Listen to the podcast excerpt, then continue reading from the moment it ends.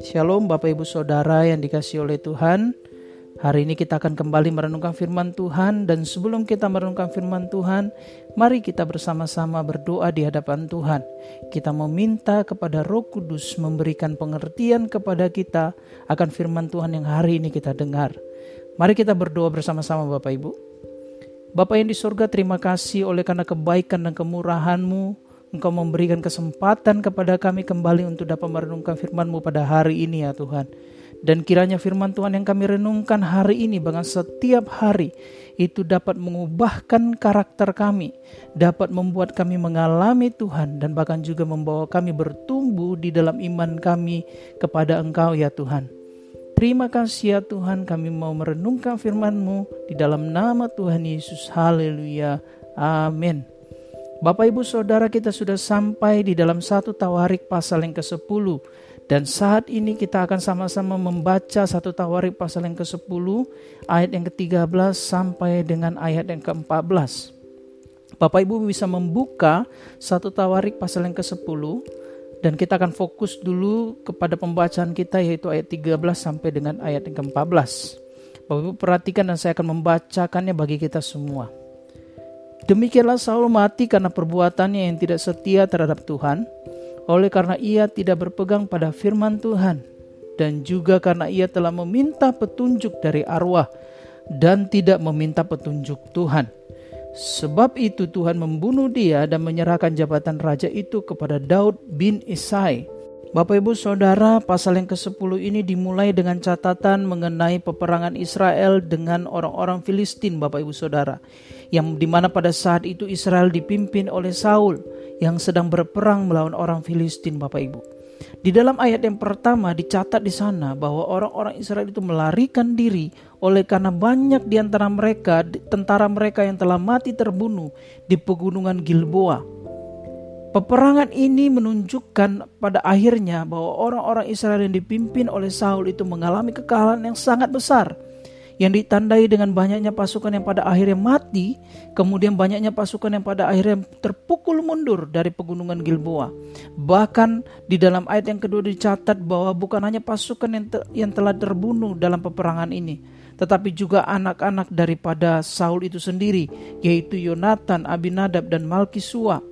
Pasukan Filistin tidak berhenti hanya sampai di mengalahkan pasukan daripada orang Israel, tapi mereka juga mengejar para pemimpin Israel, kemudian menewaskan para pemimpin itu di antaranya adalah anak-anak Saul itu sendiri yang ikut di dalam pertempuran itu Bapak Ibu Saudara.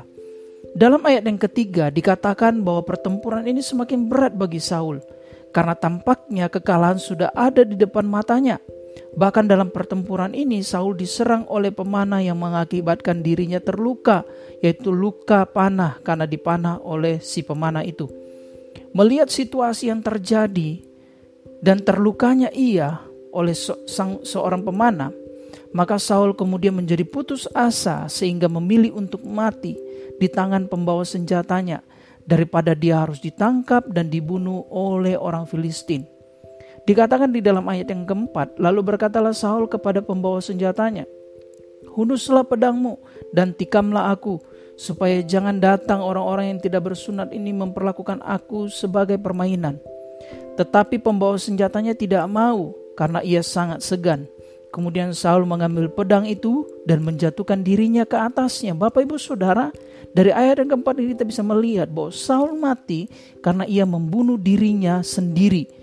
Yang kemudian oleh karena kesetiaannya, karena kesetiaannya kepada tuannya yang yaitu si pembawa senjata ini juga ikut mati bersama dengan Saul, mati bunuh diri. Saul bunuh diri oleh karena dia menjadi putus asa. Tampaknya kekalahan ini akan menjadi milik miliknya.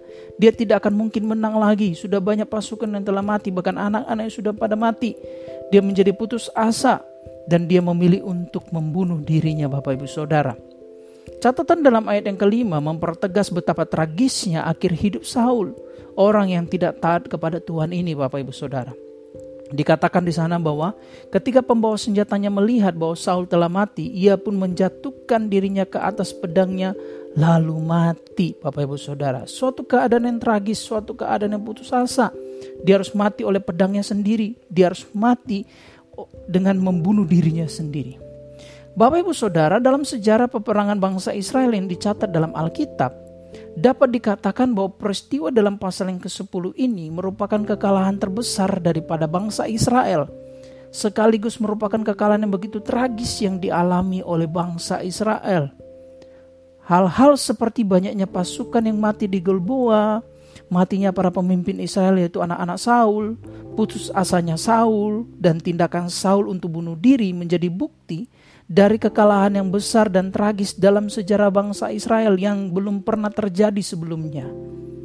Bapak Ibu Saudara yang menjadi pertanyaannya adalah, mengapa Allah membiarkan hal ini terjadi atas bangsa Israel? Dan mengapa Saul sebagai raja pertama yang dipilih oleh Tuhan harus mati dengan cara yang demikian? Mati dengan pedangnya sendiri dan mati dengan membunuh dirinya sendiri. Jawabannya ada pada ayat yang ke-13 sampai dengan ayat ke-14 Bapak Ibu Saudara yang kita sudah baca tadi di awal-awal daripada renungan ini. Yaitu dikatakan bahwa demikianlah Saul mati karena perbuatan yang tidak setia terhadap Tuhan. Oleh karena ia tidak berpegang pada firman Tuhan dan juga karena ia telah meminta petunjuk dari arwah dan tidak meminta petunjuk Tuhan.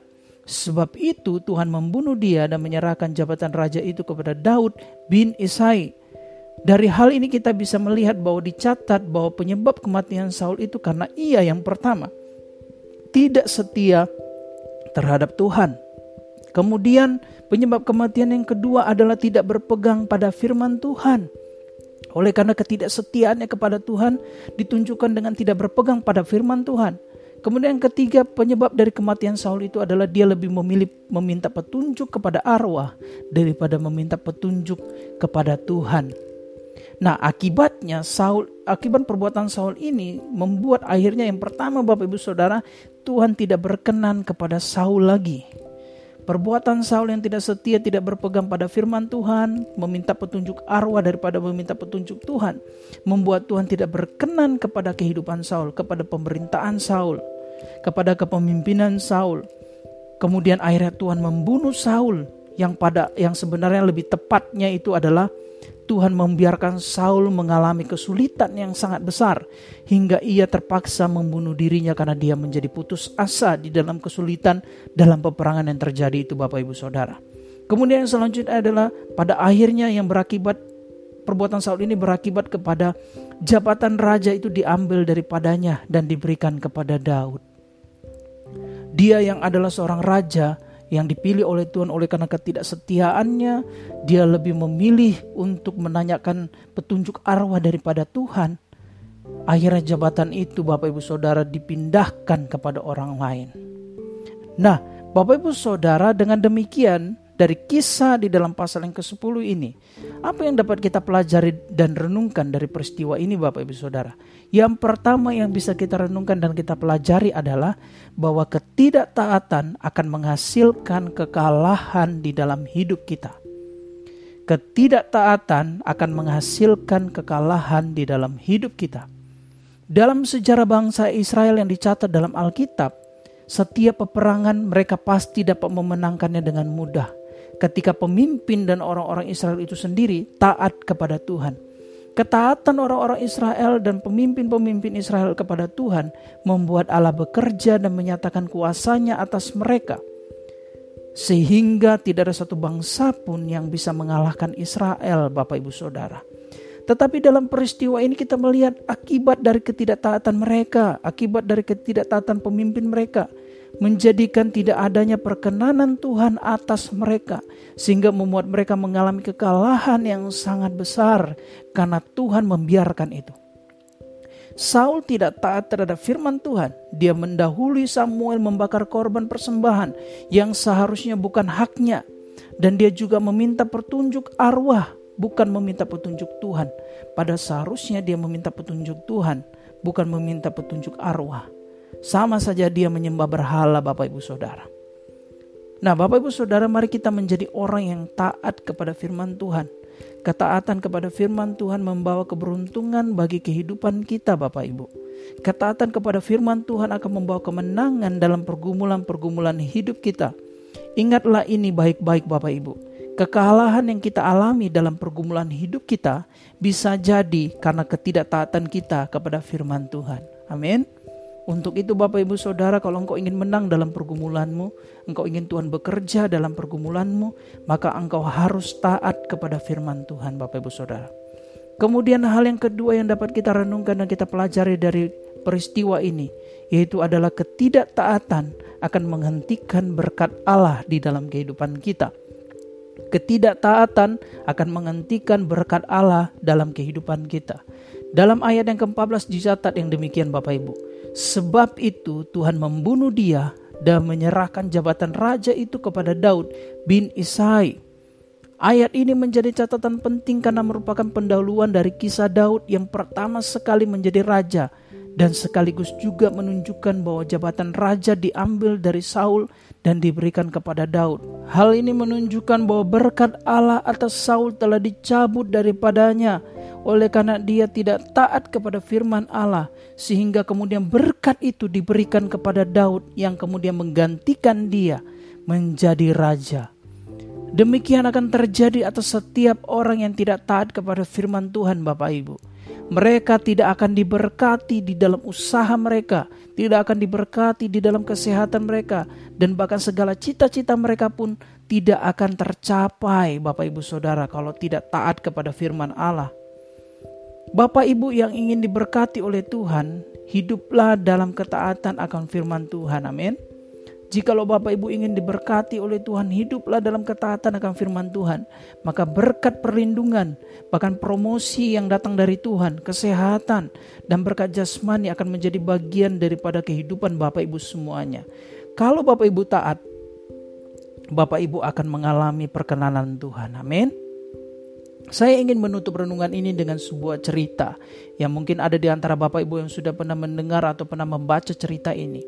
Ada seorang anak yang dilarang makan permen oleh orang tuanya karena ia sedang sakit, yaitu ia sedang batuk, Bapak Ibu Saudara. Suatu kali orang tuanya mengajak dia pergi ke toko untuk membeli obat. Ketika ia berada di toko itu, ia melihat ada satu toples permen yang warnanya begitu menarik hatinya. Maka kemudian ia menjadi tergoda karena melihat toples yang dipenuhi dengan uh, permen yang warnanya menarik sekali. Dalam hatinya ada keinginan untuk mengambil dan menikmati permen itu. Tetapi di sisi yang lain ia teringat pada larangan orang tuanya yang melarang dia untuk makan permen karena dia masih batuk. Hal ini kemudian membuat hatinya sangat bergumul Bapak Ibu Saudara. Ia tahu bahwa sebenarnya ia tidak boleh makan permen selama masih batuk seperti yang dilarang oleh orang tuanya. Tetapi oleh karena keinginan yang begitu besar untuk makan permen ini Bapak Ibu Saudara, akhirnya ia memilih untuk makan permen itu. Ia memilih untuk mengambil permen dari toples itu dan memakannya. Apa yang kemudian terjadi dengan anak ini? Anak ini kemudian batuknya tidak kunjung sembuh. Dia sudah minum obat tetapi batuknya tidak kunjung sembuh dan pada akhirnya batuknya semakin parah. Nah, Bapak Ibu Saudara, selalu ada akibat dari ketidaktaatan kita, Bapak Ibu. Oleh sebab itu jadilah taat agar engkau diberkati oleh Tuhan. Tuhan melarang kita untuk melakukan ini dan itu bukan karena Tuhan itu ingin mengekang hidup kita, tetapi karena Tuhan tahu yang terbaik untuk kita. Tuhan tahu bahwa sesuatu itu bisa mencelakakan kita atau bisa membuat kita semakin lebih baik Bapak Ibu Saudara. Tuhan tahu kalau engkau makan itu, engkau akan celaka. Tuhan tahu kalau engkau minum itu, atau kalau engkau menikmati hal itu, engkau akan celaka, engkau akan binasa. Sehingga Tuhan berfirman dan di dalam firmannya itu ada pengajaran yang mengajarkan kepada kita hal-hal yang baik dan yang benar. Tidak ada satupun firman Tuhan yang bersifat mencelakakan kehidupan kita Bapak Ibu Saudara. Untuk itu Bapak Ibu Saudara taatlah kepada firman Tuhan. Belajarlah daripada apa yang terjadi dengan Saul Bapak Ibu Saudara. Maka engkau akan diberkati oleh Tuhan. Amin. Bapak Ibu Saudara, demikianlah firman Tuhan hari ini yang bisa kita renungkan. Puji Tuhan. Bapak Ibu Saudara, mari kita mengakhiri renungan ini dengan berdoa bersama-sama. Mari kita berdoa.